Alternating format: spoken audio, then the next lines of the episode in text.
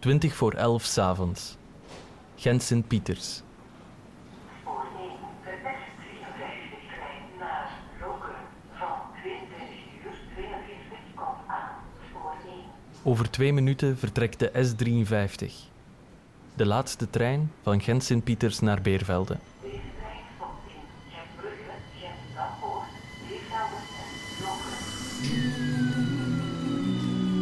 Conducteur staat wat nonchalant tegen een deur geleund.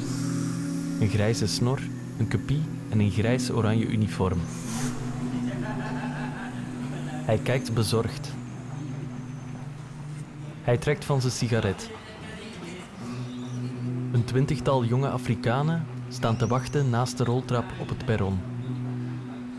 Ze hebben rugzakken bij, zijn warm gekleed en hebben een biertje in de hand. Ze lijken wat zenuwachtig.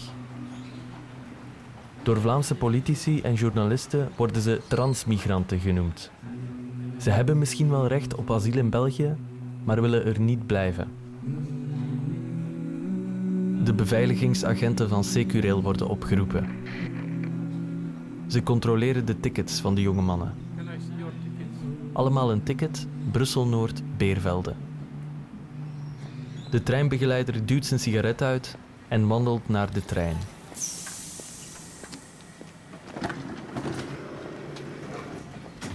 De trein vertrekt.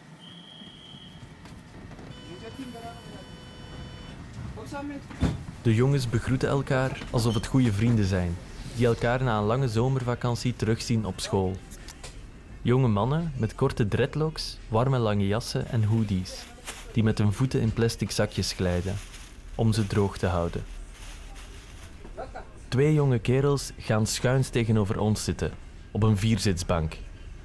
Want daar heb je de kans om nog heel even je gsm op te laden.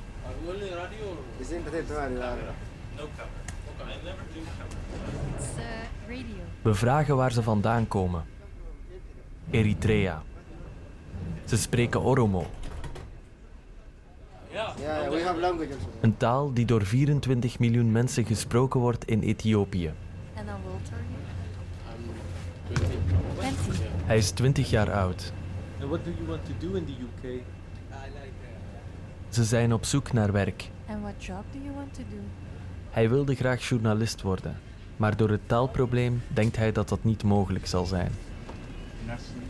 Daarom heeft hij een nieuw doel: verpleging. Ik vraag hem of hij bang is. Hij zegt van niet. Dus De rest van het gezelschap vindt het niet zo leuk dat we vragen stellen. Dat is ook. Jok, jok. Ja, je maakt jok hoor. Dit is no work. I ah, am a journalist. Maar ik ben nooit It's okay, my brother. Look, what I hey, please go away. go away. No, it's okay. Thanks for your time. Thanks for your joke. Bye. De volgende Beervelde is een gehucht met een kleine 2800 inwoners. Voor de rest is er weinig in Beervelde. Behalve een snelwegparking, Kalken, langs de E17. Vanuit het station proberen de jonge mannen, meestal te voet door de velden, de snelwegparking te bereiken. Daar de vrachtwagen op richting Calais of Duinkerke, daarna verder richting het Verenigd Koninkrijk.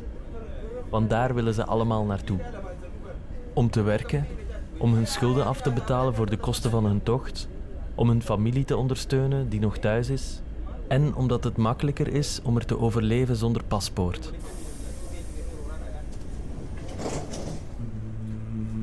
Dit is een verhaal over Beervelde.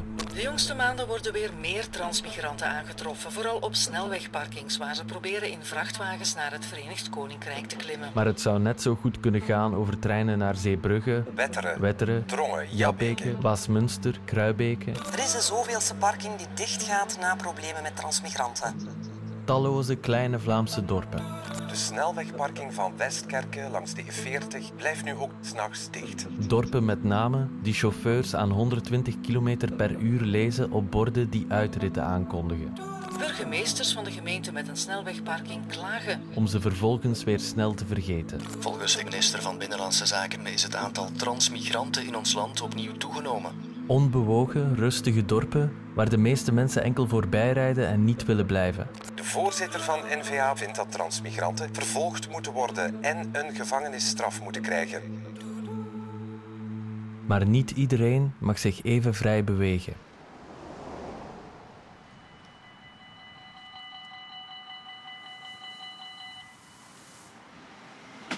De laatste trein komt aan in Beervelde. Een verlaten station, verlicht met ledspots. De jongeren stappen uit, doen hun rugzakken strak aan de rug en wandelen de sporen over. Ze gaan de velden in, recht op een doel af. De snelwegparking van Kalken, vijf kilometer verderop.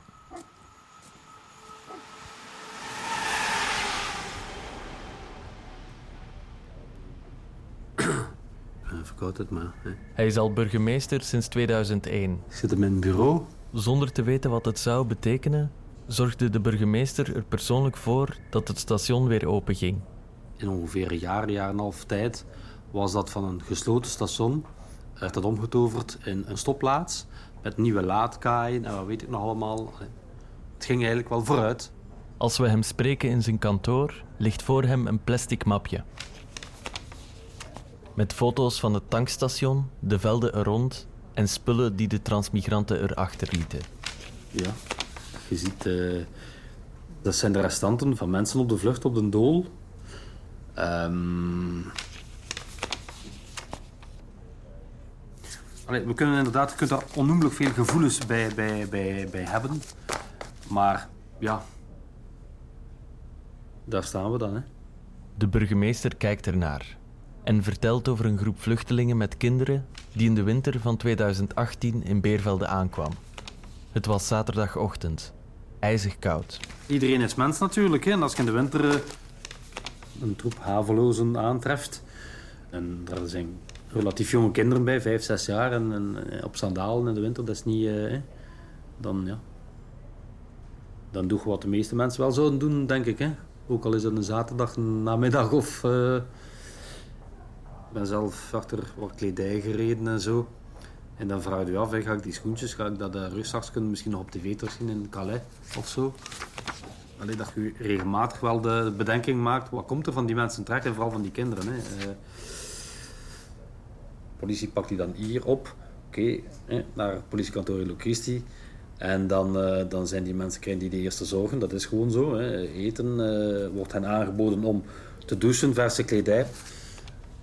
Oké, ze worden dan ondergebracht in het, wat dan heet het cellencomplex, maar stel je dat ook niet voor, dat zijn dus geen, geen, geen tralies en geen, eh, dat is een dag van vandaag allemaal, hè, een kind, zo kindvriend mogelijk in bepaalde afdelingen.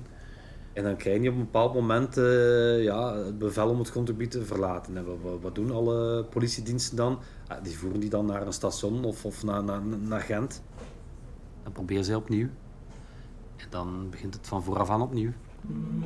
Zoals een carousel. Proberen, mislukken en opnieuw proberen.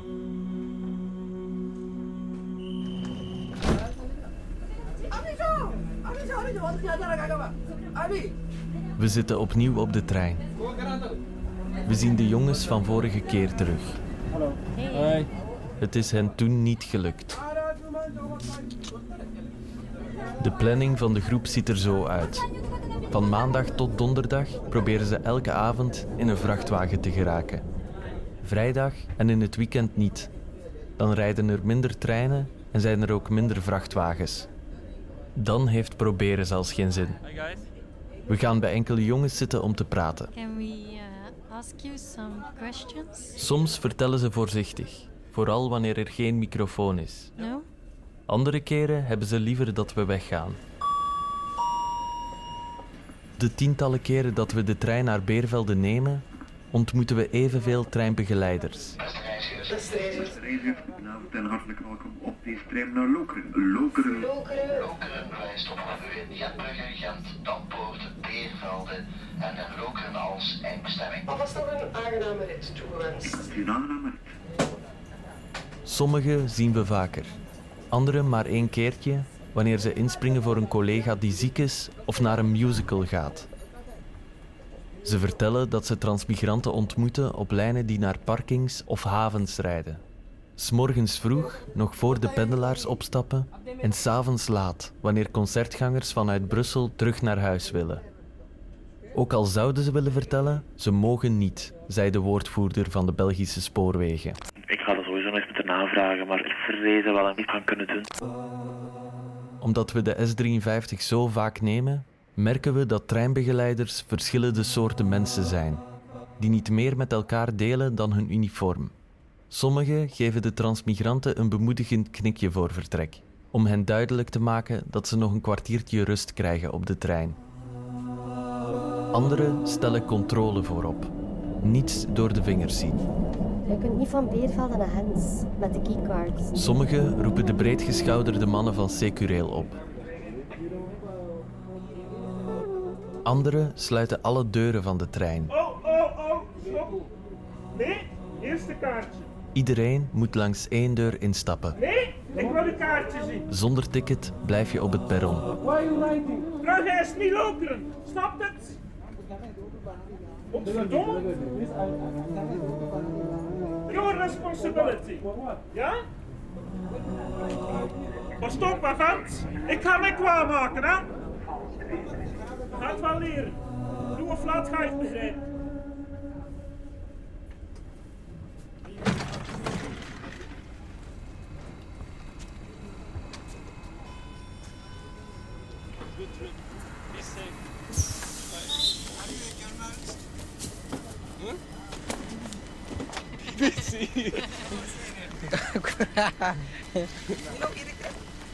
Eritrea? Yeah, of course.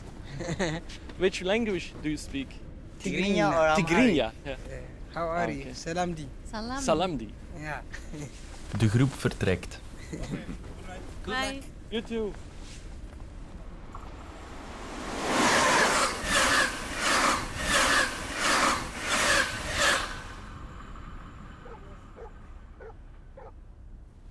Gaan jullie mee met mij of?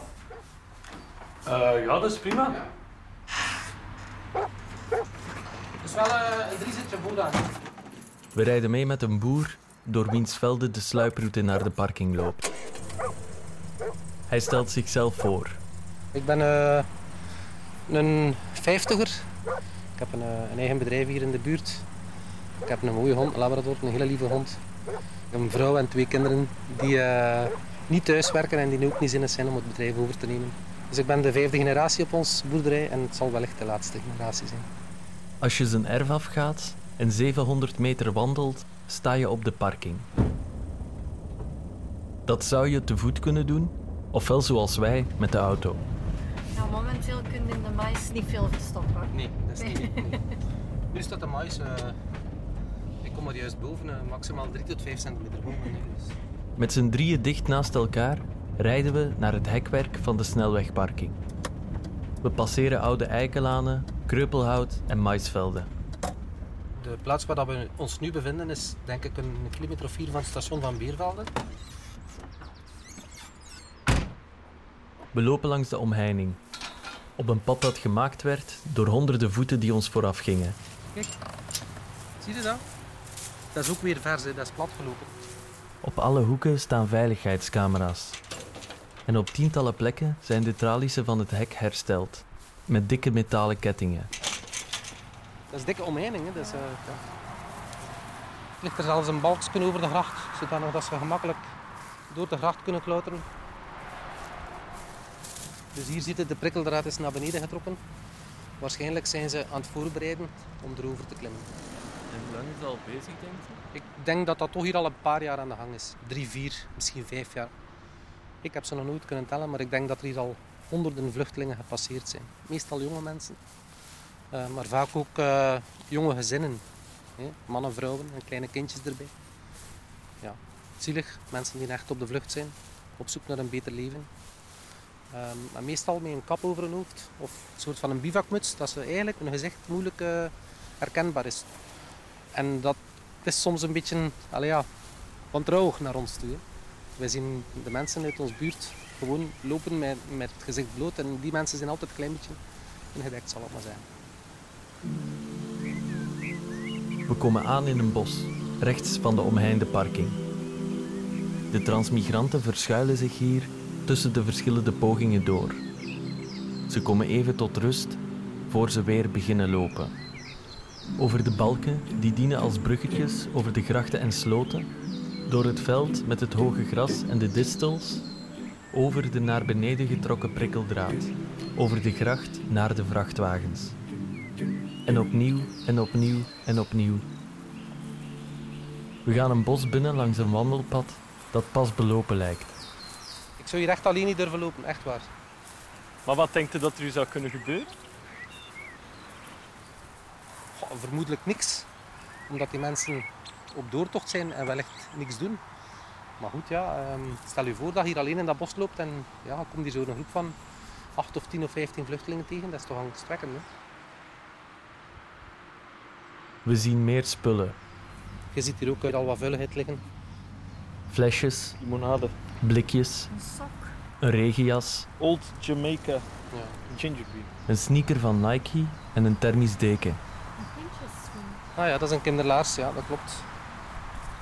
Hij kijkt naar de schoen en vertelt ons over de eerste en enige keer dat hij zelf praatte met vluchtelingen op de terugweg van de parking. Ik was eh, op weg met mijn wagen en ik zag een groepje mensen lopen, vlak bij de parking.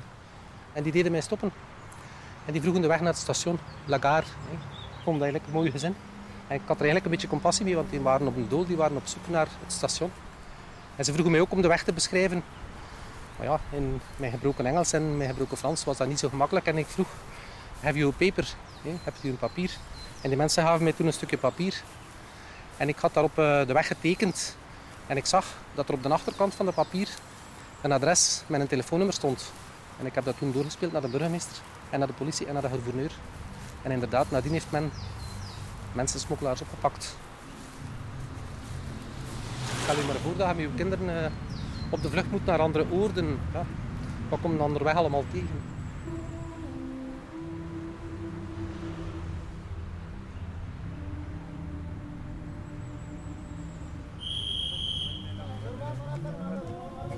Die avond wachten de mensensmokkelaars de jongens en meisjes weer op. We kruisen ze in het gangpad naar het perron. Een man met kort haar, een blauwe Michelin-jas en stevast een waterflesje in de hand. We stappen op. Iedereen zoekt een plaats. How are you guys doing? Did you sleep well? We gaan bij dezelfde jongens als vorige keer zitten. Ah ja. Meteen komt een van de begeleiders, een smokkelaar, erbij. Hi. How are you? You work in this street? This street? Uh, no, I, I work for radio. We met before. Yeah. He doesn't like me. Uh, Hij heeft een erg donkere huid, een scherp gezicht en een groene bomberjacket. you don't really trust what I'm doing, no? Hij gedraagt zich als de persofficier. You don't have a badge. For, uh, But I don't have a badge for. Hij vraagt ons of we een badge hebben. Last week also I think you make joke. Ask me a question. Hij wil graag weten waar wij vandaan komen. I'm from Belgium. I live here in Ghent. Broers of zussen? I have two sisters. You're nice. What? Ben je vriendelijk? I'm nice. You're nice, I, huh? I don't know. I hope so. You can answer. Na enkele minuten is hij het gesprek beu en gaat hij terug zitten. Okay, uh, you can ask me, I give you uh, answer. Where were you born? Yes. Huh? Where were you born? I was born in uh, Ethiopia, is in Oromia, uh, in Bale zone. Hij werd geboren in het zuiden van Ethiopië. You have brothers and sisters, and how many? Uh, I have one brother and uh, one sister. Yeah, me, I am a big one in my family. Ik vraag hem hoe hij hier geraakt is. In Europe? Yeah. It's long, yeah. I was go. mm, I want to go UK. Hij wil ook naar het Verenigd Koninkrijk. Why do you want to go to the UK? Yeah, I want to go because uh, I was uh, one year in uh, Europe, another country. Zijn asielaanvraag werd afgewezen. I have uh, reject, and I yeah yeah I'm back to Rwanda really asirati. Wal wal bayna. And uh, I want passport. Hij denkt dat hij in het Verenigd Koninkrijk meer kans maakt om een paspoort te krijgen. Maar dat is niet altijd het geval. I sleep two here in Belgium. Hij slaapt al twee jaar aan het Noordstation. En hij begon veel te drinken. I drink everything. Whiskey, vodka, everything. Yeah. It's problem, guys. Drinken om met alle stress te kunnen omgaan. It's too much stress. Wallah. Of course. Wallah.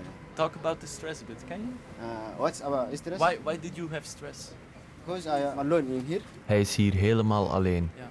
Zonder familie, zonder netwerk, zonder vangnet. I don't have family. I don't have a house. It's problem for me. Yeah, of course. En dan is het tijd om af te stappen. Have a safe trip. Yeah, you and make every week joke, but no good. Be safe. Good luck. have a good trip. Bye.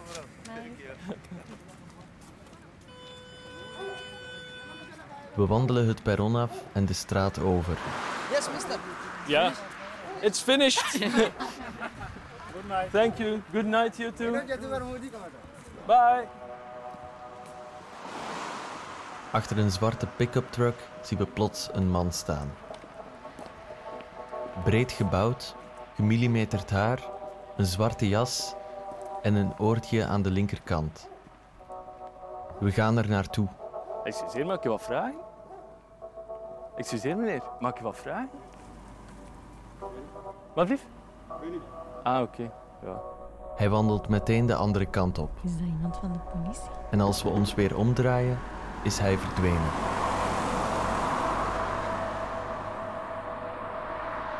Dat is sowieso een van de politie. Sowieso. De politie voert ongeveer elke maand één actie uit. Ze noemen het een ontradingsactie. Dan pakken ze transmigranten op in de hoop dat de rest het opgeeft. Maar wie geeft op als er geen andere weg is? Eh, mijn haar is zwart en mijn ogen is bruin. Voor ons zit een meisje met zwart opgestoken kroeshaar. Wat nog? Zij wilde niet naar het Verenigd Koninkrijk. Ze vroeg asiel aan in België. Ik ben 15 jaar, bijna 15 jaar. Ik ben uit Eritrea en ik ben hier een jaar en zes maanden hier in België. Net zoals veel van de jongeren die we ontmoeten op de trein, komt ook zij uit Eritrea. Mijn land is eh, niet zo groot en daar is 6 miljoen mensen. Die president van mijn land is dictatuur. Hij is helemaal slecht, daarom niemand houdt van hem. Toch heeft ze ook goede herinneringen aan haar kindertijd in Eritrea. Dat was mooi, omdat ik was met mijn familie en met mijn vriendin, met mijn alles. Ja, dat was een leukste herinnering. Ja, hier ook. eh, leukste dingen, maar niet zoals mijn land. Ja. Maar toen ze ouder werd, moest ook zij vluchten. Je kan niet daar rustig studeren of werken. Omdat eh, als ik eh slecht punt heb op school, dan eh, ga ik soldaat worden. Of familie van Eritrea, ouders, die worden altijd bang. Ik ben meisje en als ik heb slecht punt, of soldaten of trouwen. Eritrea heeft een van de meest onderdrukkende regimes ter wereld. Als ik trouw, ik ga niet naar soldaten. Als ik niet trouw, ik ga naar soldaten. Vele mensen ontvluchten het land omwille van de opgelegde dienstplicht. Niemand houdt van soldaten, want die soldaten hebben niet genoeg geld. Daarom wil niemand soldaat worden. De dienstplicht duurt officieel 18 maanden, maar kan in de praktijk oplopen tot meer dan 10 jaar. Ja. Niet enkel voor mannen, maar ook voor ongehuwde vrouwen. Ik heb daar twee kansen. Ofwel trouwen, ofwel naar hier komen. Dus ik heb naar hier gekozen.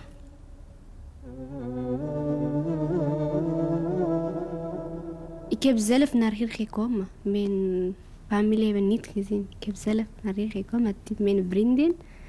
Zij was mijn buurmeisje. We zijn komen twee meisjes naar Ethiopië gegaan. Zonder die familie zelf naar Ethiopië gekomen. Zonder iemand te zeggen. De twee meisjes vluchten samen naar Ethiopië. In 2014, oktober. Ze waren nog piepjong. Ik was 11 jaar. Ze spreken s'nachts af om samen de grens te proberen oversteken. En we gaan zo heel rustig, zo rustig. En soms ook, we gaan zo liggen op de grond. Misschien daar is hond. En als die hond ziet, die gaat zo woe zeg. Daarom we gaan zo. Ja. Wanneer die soldaten slapen, we gaan zo rustig.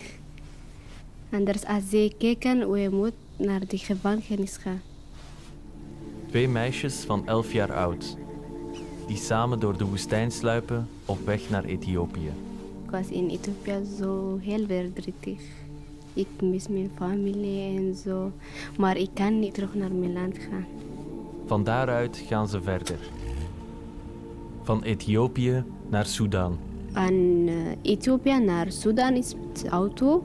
Ik moet geld betalen naar die meneer. En die meneer heeft auto. Daarna naar Libië. Dat is moeilijk. Maar in Ethiopië en Sudan is ook moeilijk, maar een beetje moeilijk. Maar in Libië is helemaal moeilijk. Omdat als je een meisje bent vanaf 16 of 15 jaar, als die baas van die kamp wil met jou slapen, je moet met hem gaan. Ja, daarom is in Libië heel, heel slecht. Ik was in Libië heel klein en dat was een beetje makkelijk voor me. Maar voor die anderen is dat heel moeilijk. En dan met de boot naar Europa. Van Libië naar Italië is met de boot. Je moet zo geld betalen. En daar waren we één dag. En eh, dat was heel gevaarlijk. Ik was heel bang. Omdat eh, die mijn kans was of leven of dood. Zo was mijn leven. Maar ik heb geen andere manier. Ik moet met de boot komen. Na een tocht van 8000 kilometer en drie jaar komt ze aan in België. Haar broer en oom, die al eerder uit Eritrea vertrokken, betaalden 5000 dollar voor haar tocht. Ongeveer een halve dollar per kilometer. Zonder familieleven is heel zwaar. Ik denk altijd over hun. Ik ga naar school en ik denk altijd over hun. Ja, dat is heel zwaar. Hm. Haar buurmeisje is nu in Nederland. Zij is veilig in België, maar wel alleen.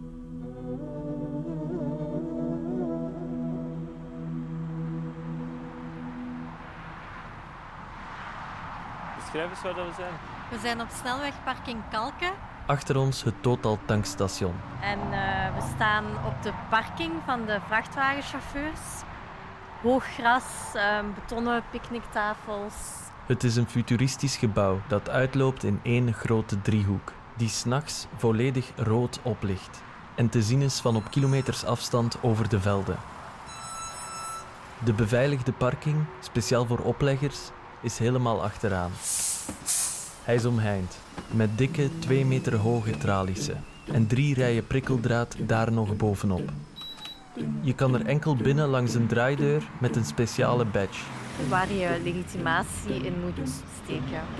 Een hermetisch afgesloten fort.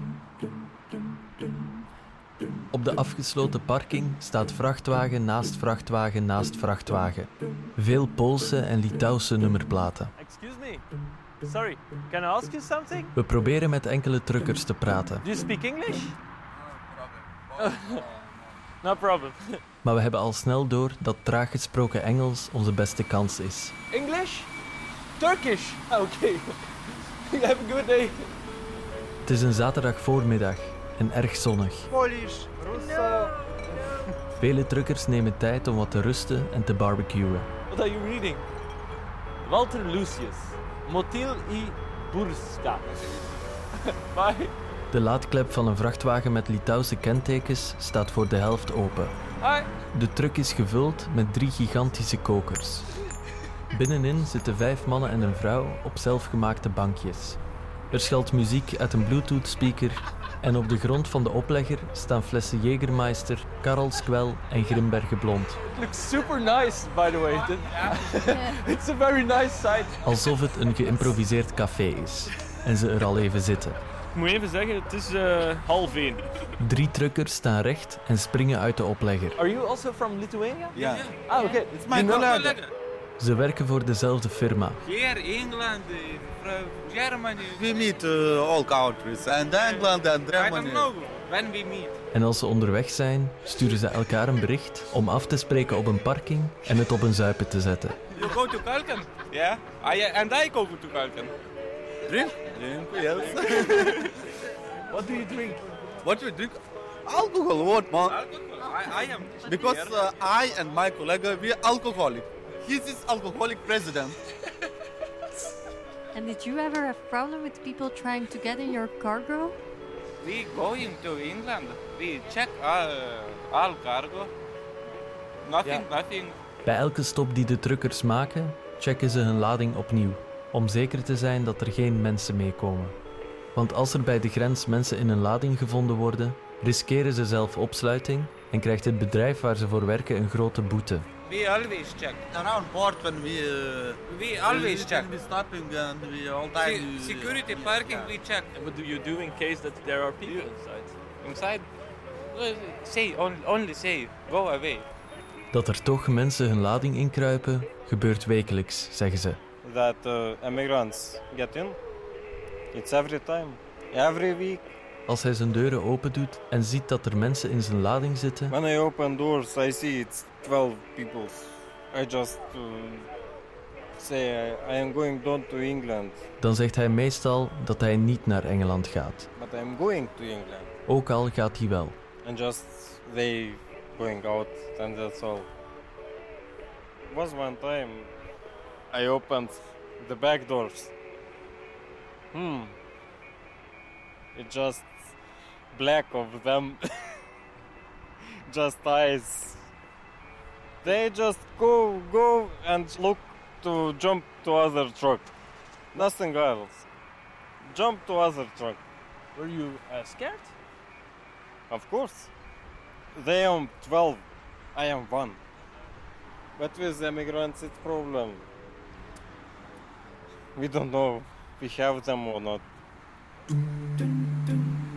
That is the problem.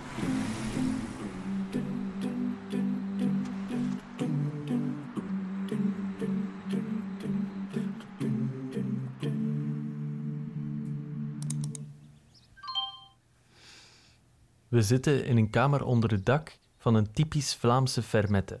Dat is teken dat mijn camera's iets waarnemen. Hè. We kijken naar beelden van groepjes wandelende jongeren, die 's ochtends teleurgesteld terugkeren van de parking.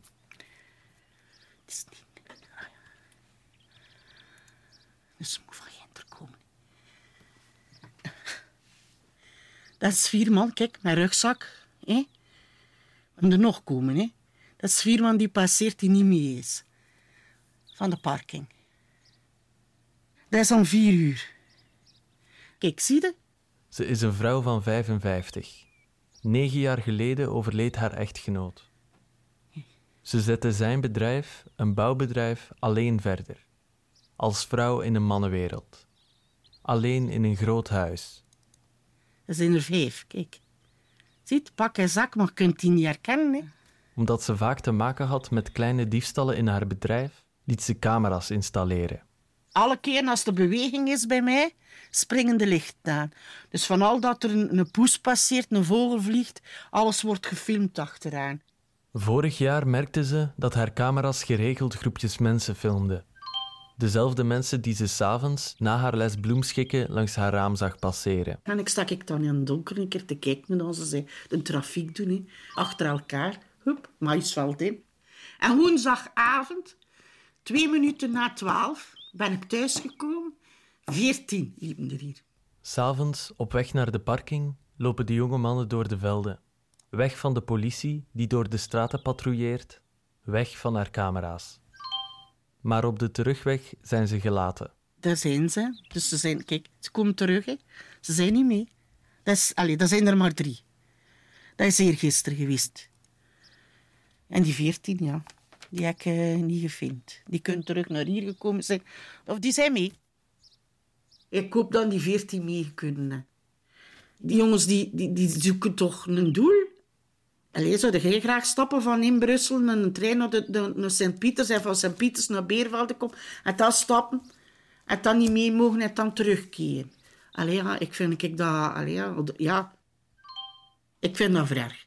Ze heeft de camera's niet laten plaatsen voor de transmigranten. Ze heeft nooit last van hen gehad. Er zijn sommige mensen die zeggen, ja, maar die, die jongens, die transmigranten, ik zeg nooit, die doen niks verkeerd. Niks, maar niks verkeerd. Het enige dat ze proberen is weg zijn. Hè. Is stappen, stappen, stappen voor de, de straten te hebben. En dan, ja, spijtig genoeg, soms niet mee kunnen, zeker, hè, in een vrachtwagen. Toch vraagt ze zich soms af waarom ze vluchten. Waarom? Allee, ja, zo'n een, een, een ding doen voor naar Engeland, waarom? Maar ze vraagt het niet. Nee, ik kan niet spreken met die mensen. Ik kan die ook niet... Nou, nee, ja, dat ook niet. Ja, maar ik zit hier wel alleen, hè, als vrouw. Niemand, nee. nee, dat doe ik niet. Want ik kan, ik kan geen Engels, ik kan geen Frans. Dat gaat niet. Ze kijkt alleen maar, in stilte, naar de beelden op haar computerscherm.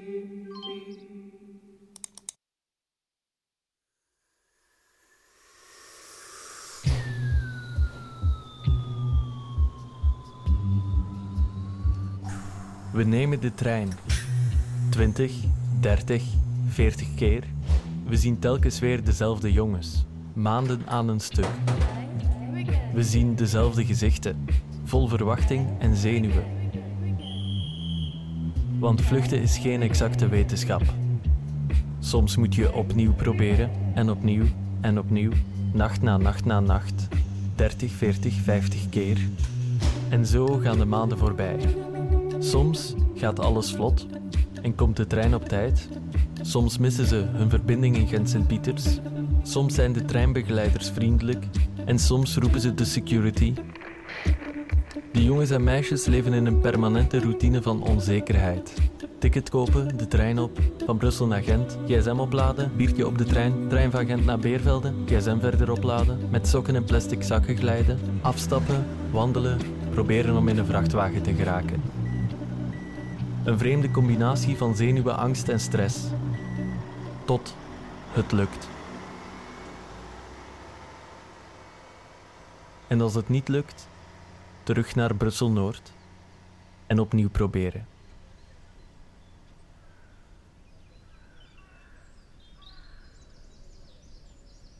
De volgende ochtend, vijf voor zes, het station van Beervelde. Op het perron staan ochtendshifters, vroege pendelaars en twaalf jongeren uit Ethiopië en Eritrea.